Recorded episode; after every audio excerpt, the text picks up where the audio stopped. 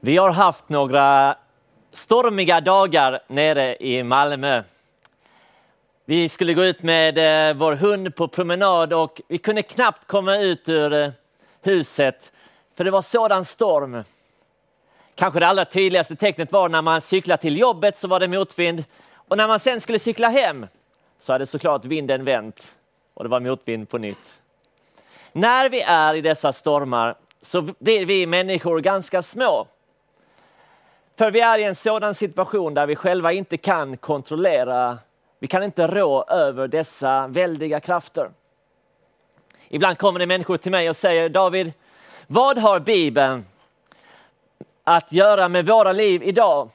En bok som skrevs för över 2000 år sedan, i en annan tid, i en annan kultur, i en annan del av världen. Vad har den att göra med våra liv idag? Har den någon betydelse för min vardag, för mina beslut, prioriteringar? Kanske i den nöden jag själv är. Vad har Bibeln för hjälp och tröst till mig? Jag vill idag läsa om en berättelse vi har i Nya Testamentet där Jesus stillar stormen. Och jag läser från Matteus evangeliets åttonde kapitel och från den 23 versen.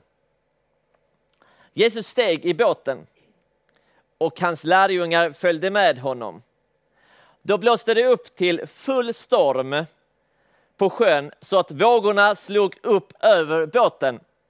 Men han sov. Då kom de fram och väckte honom och sa, Herre, rädda oss, vi går under. Han sa till dem, varför är ni rädda? Så lite tro ni har. Sedan reste han sig och talade strängt till vindarna och sjön och det blev alldeles stilla. Männen häpnade och sa, vem är han? Till och med vindarna och sjön lyder honom. Jag vill först ge lite kort eh, geografi kring detta. Genesarets sjö, eller Galileiska sjön, ligger ungefär 200 meter under havsytan. Och från dess stränder så kan man se berget Hermon. Och där kan man eh, se snö på topparna när man själv är nere och badar och har det skönt vid Genesarets vatten. Och dessa stora skillnader i temperatur gör att det kan bli väldiga rubbningar och störningar i atmosfären och ge tvära omkastningar i väder och vind på sjön. Och detta visste de om, de som arbetade och de som bodde vid Genesarets sjö. Och här är vi nu i berättelsen när Jesus är ute på sjön tillsammans med sina lärjungar.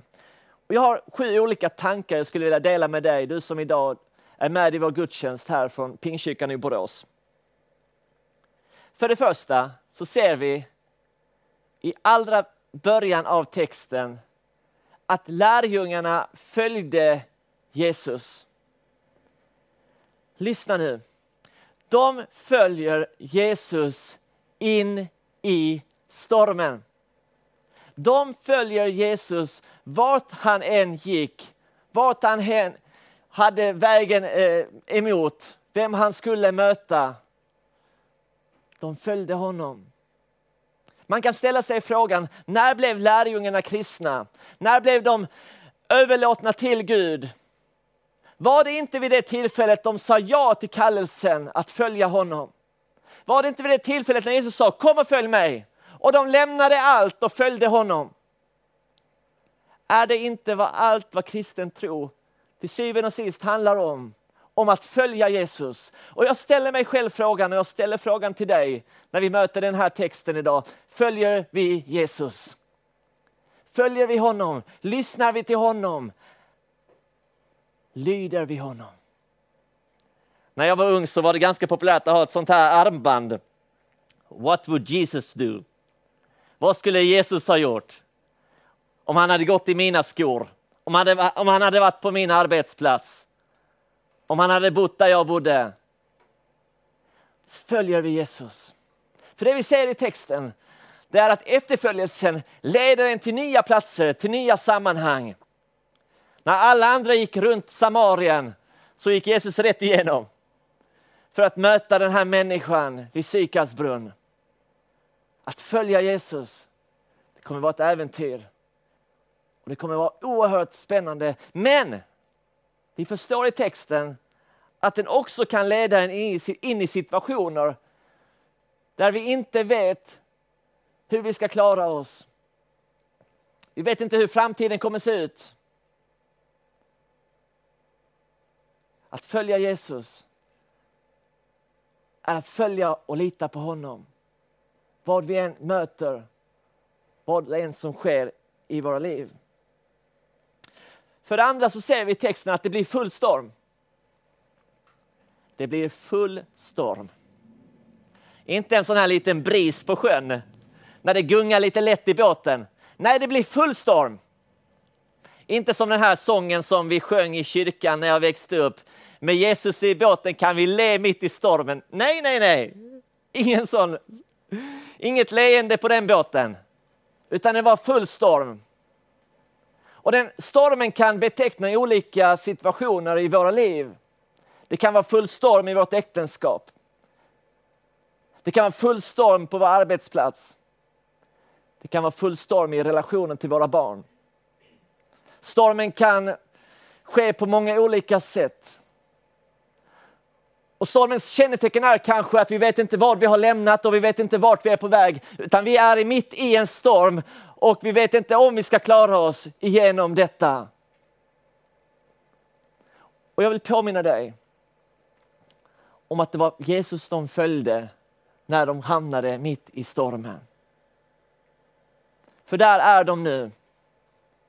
Och jag vet inte vilken situation du befinner dig i, du som eh, är med i vår gudstjänst idag. Hur stormen ser ut i ditt liv. Men det kan vara full storm. För det tredje ser vi i texten att Jesus han ligger och sover i båten. Markus när han berättar om detta i sitt evangelium så vill han också tillägga att Jesus har hittat en kudde på båten som han ligger och vilar sig emot. Kanske du också har någon vän som kan sova lite sådär överallt. Jag minns vi hade en kusin. Han, eh, en gång hittade vi honom ståendes mot en soffa. Han var ganska liten, alltså han var ett barn. Han kunde somna i princip överallt. Och här ligger Jesus och sover mitt i båten. Vi förstår också såklart utifrån berättelsen att Jesus han levde ett hårt liv. Han var ute och mötte människor under dygnets nästan alla timmar, förutom när han eh, gick och tog egen tid tillsammans med sin far. Så mötte han behov efter behov och gav sig själv för oss. Och här sover han nu på båten. Kanske det kan också vara en eh, något som du tänker på i den stormen som du befinner dig i. Var är Gud någonstans? Var är du någonstans? Och det är ju uttrycket som vi ser för det fjärde i texten, lärjungarnas rop. Som kanske uttrycker frågan, bryr du dig om oss i vår situation, i vår storm? Vakna, vi behöver dig. Och jag vill uppmuntra dig att göra exakt det som lärjungarna gör och ta dem som vår förebild idag. Vem går vi till när det är storm? Vem söker vi när vi är utom räddning? Vem ropar vi till? Ja, de ropar på Jesus. De ropar för full hals. De söker upp honom. De skakar om honom och säger Jesus rädda oss. Rädda oss. Och för det femte så ser vi i texten att Jesus han möter dem med ett helt fascinerande svar. Varför är ni rädda? Så lite tro ni har. Vid fyra olika tillfällen så möter vi detta påstående av Jesus i Matteus evangeliet. När Jesus utmanar lärjungarnas tro. Första gången har vi det i bergspredikan, i denna underbara predikan vi har i början på Matteus evangeliet. Livet enligt Jesus.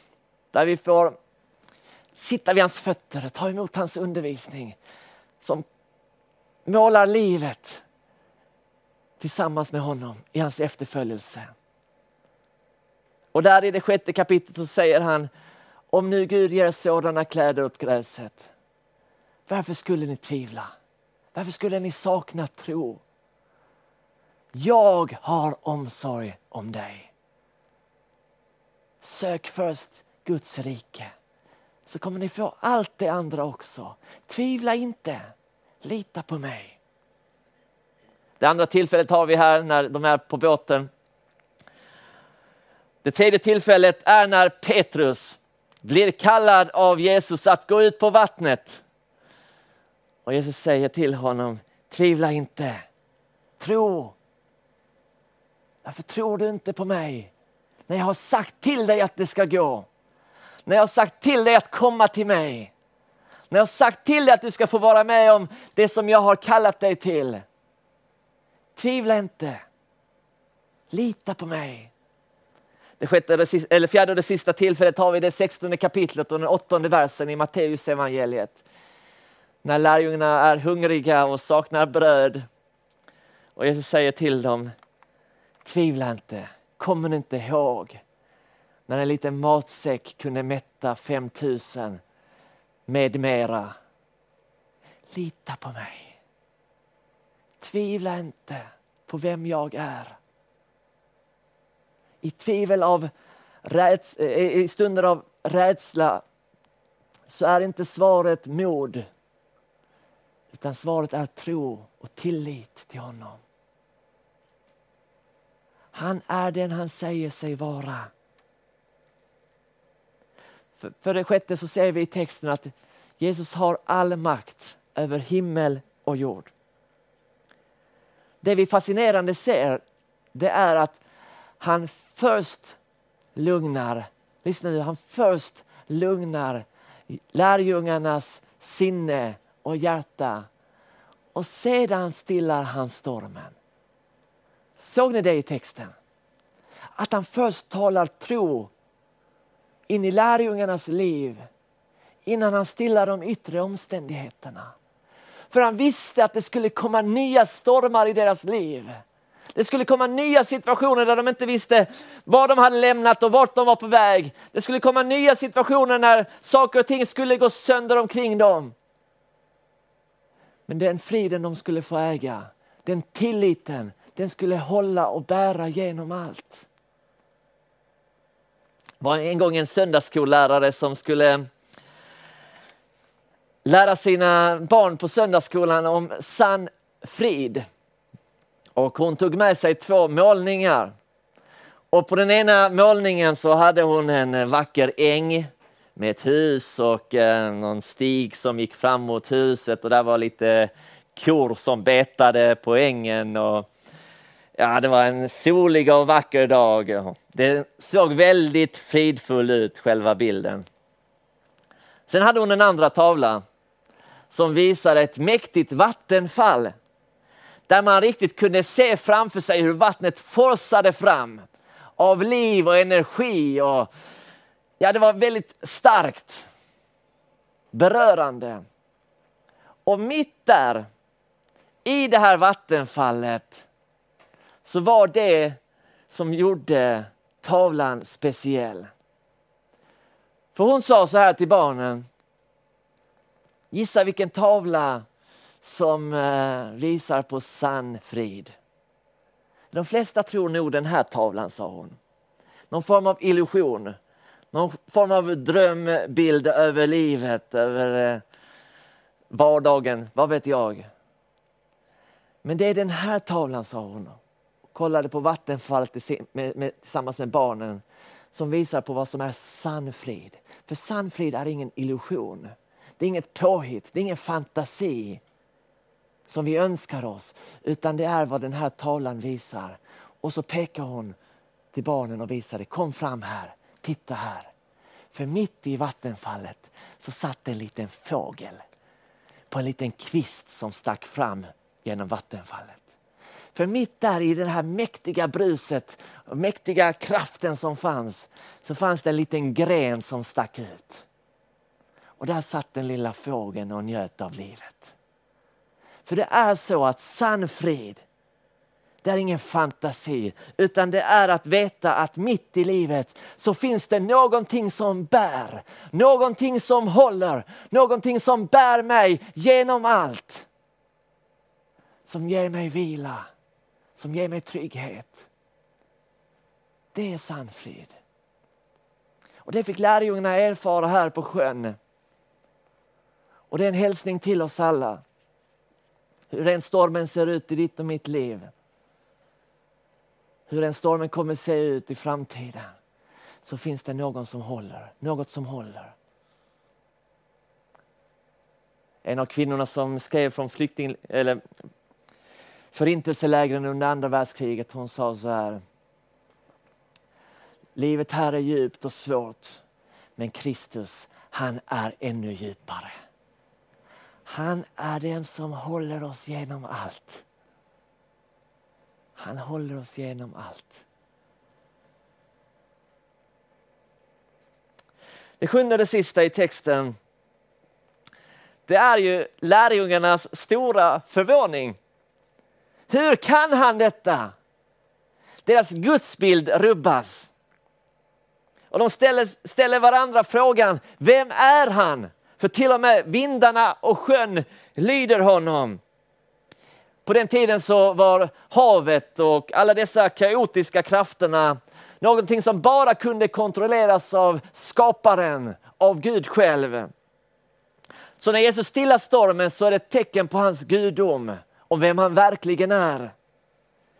I jämförelse med första Mosebokens första kapitel och andra versen där det står hur Guds ande svepte över vattnet och skapade ordning i kaos och livlöshet. Han kom med liv.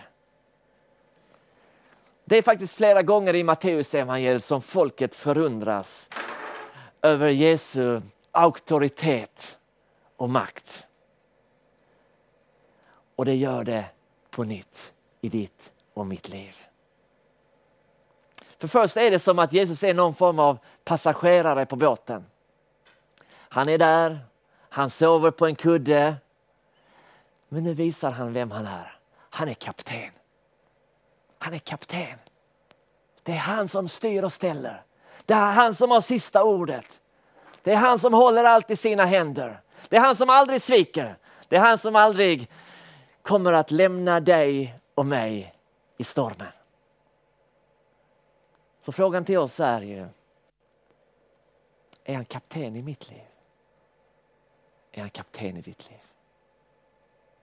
Låt mig få avsluta med en berättelse. En fantastisk berättelse om den 23 salmen i Gamla testamentet. Salmen som du kanske känner till eh, som börjar med orden Herren är min herde, mig skall inget fattas. Den här underbara salmen. Och det fanns en gång en eh, duktig skådespelare som avslutade alla sina shower med att recitera denna psalm. Och varje gång så fick han rungande ovationer. Folk ställde sig upp och applåderade och var imponerade över hans insats. Hans sätt att uttrycka orden i den 23 salmen. Hans tempo, hans känsla för ord. Men vid en kväll precis innan han skulle läsa den 23 salmen så är det en ung kille som räcker upp handen i salen. Och han blir lite överraskad och han undrar vad den unga mannen vill. Och det visar sig att den här unge mannen ställer frågan om han kan den här kvällen få avsluta med att läsa den 23 salmen. Ja, tänkte skådespelaren, det, är väl, eh, det kan väl eh, gå an. För då kan de ju se skillnaden på en amatör och ett proffs. Då kan de ju uppskatta på nytt min eh, begåvning och min utbildning och ja, allt vad jag kan. Så han släpper fram den här unge killen och han börjar läsa den 23 salmen. Och han läser hela salmen. Herren är min herde, mig skall inget fattas. Han låter mig vila på gröna ängar och så vidare. Och när han är klar så är det knäpptyst i salen. Efter ett litet tag hör man hur någon börjar snyfta. Man hör gråt i salen. Och det är en sådan atmosfär där i rummet. Folk vet inte var de ska ta vägen. För orden har gått rakt in i deras hjärtan, tankar. Och efteråt går den här skådespelaren fram till den unga killen och säger Hjälp mig snälla du. Jag har läst den 23 salmen hur många gånger som helst. Men jag har aldrig lyckats beröra åskådarna, publiken på det sätt som du gjorde ikväll. Hjälp mig! Då säger den här unga killen något som den här skådespelaren aldrig kommer att glömma. Du kan den här salmen. Du kan rytmen, du kan orden utan till. Du vet exakt hur den ska läsas. Men vet du vad? Så säger han det som skådespelaren aldrig kommer glömma. Du kan allt detta, men jag känner herden. Han är min herde. Han är mitt allt. Han är min kapten. Han är min herde. Det är honom jag litar på. Han är min herde genom allt i mitt liv. Han leder mig vart jag än går, var jag än hamnar i livet. Så har jag någon som bär genom allt, som ger mig sann frid och som vet vad mitt hjärta behöver. Amen.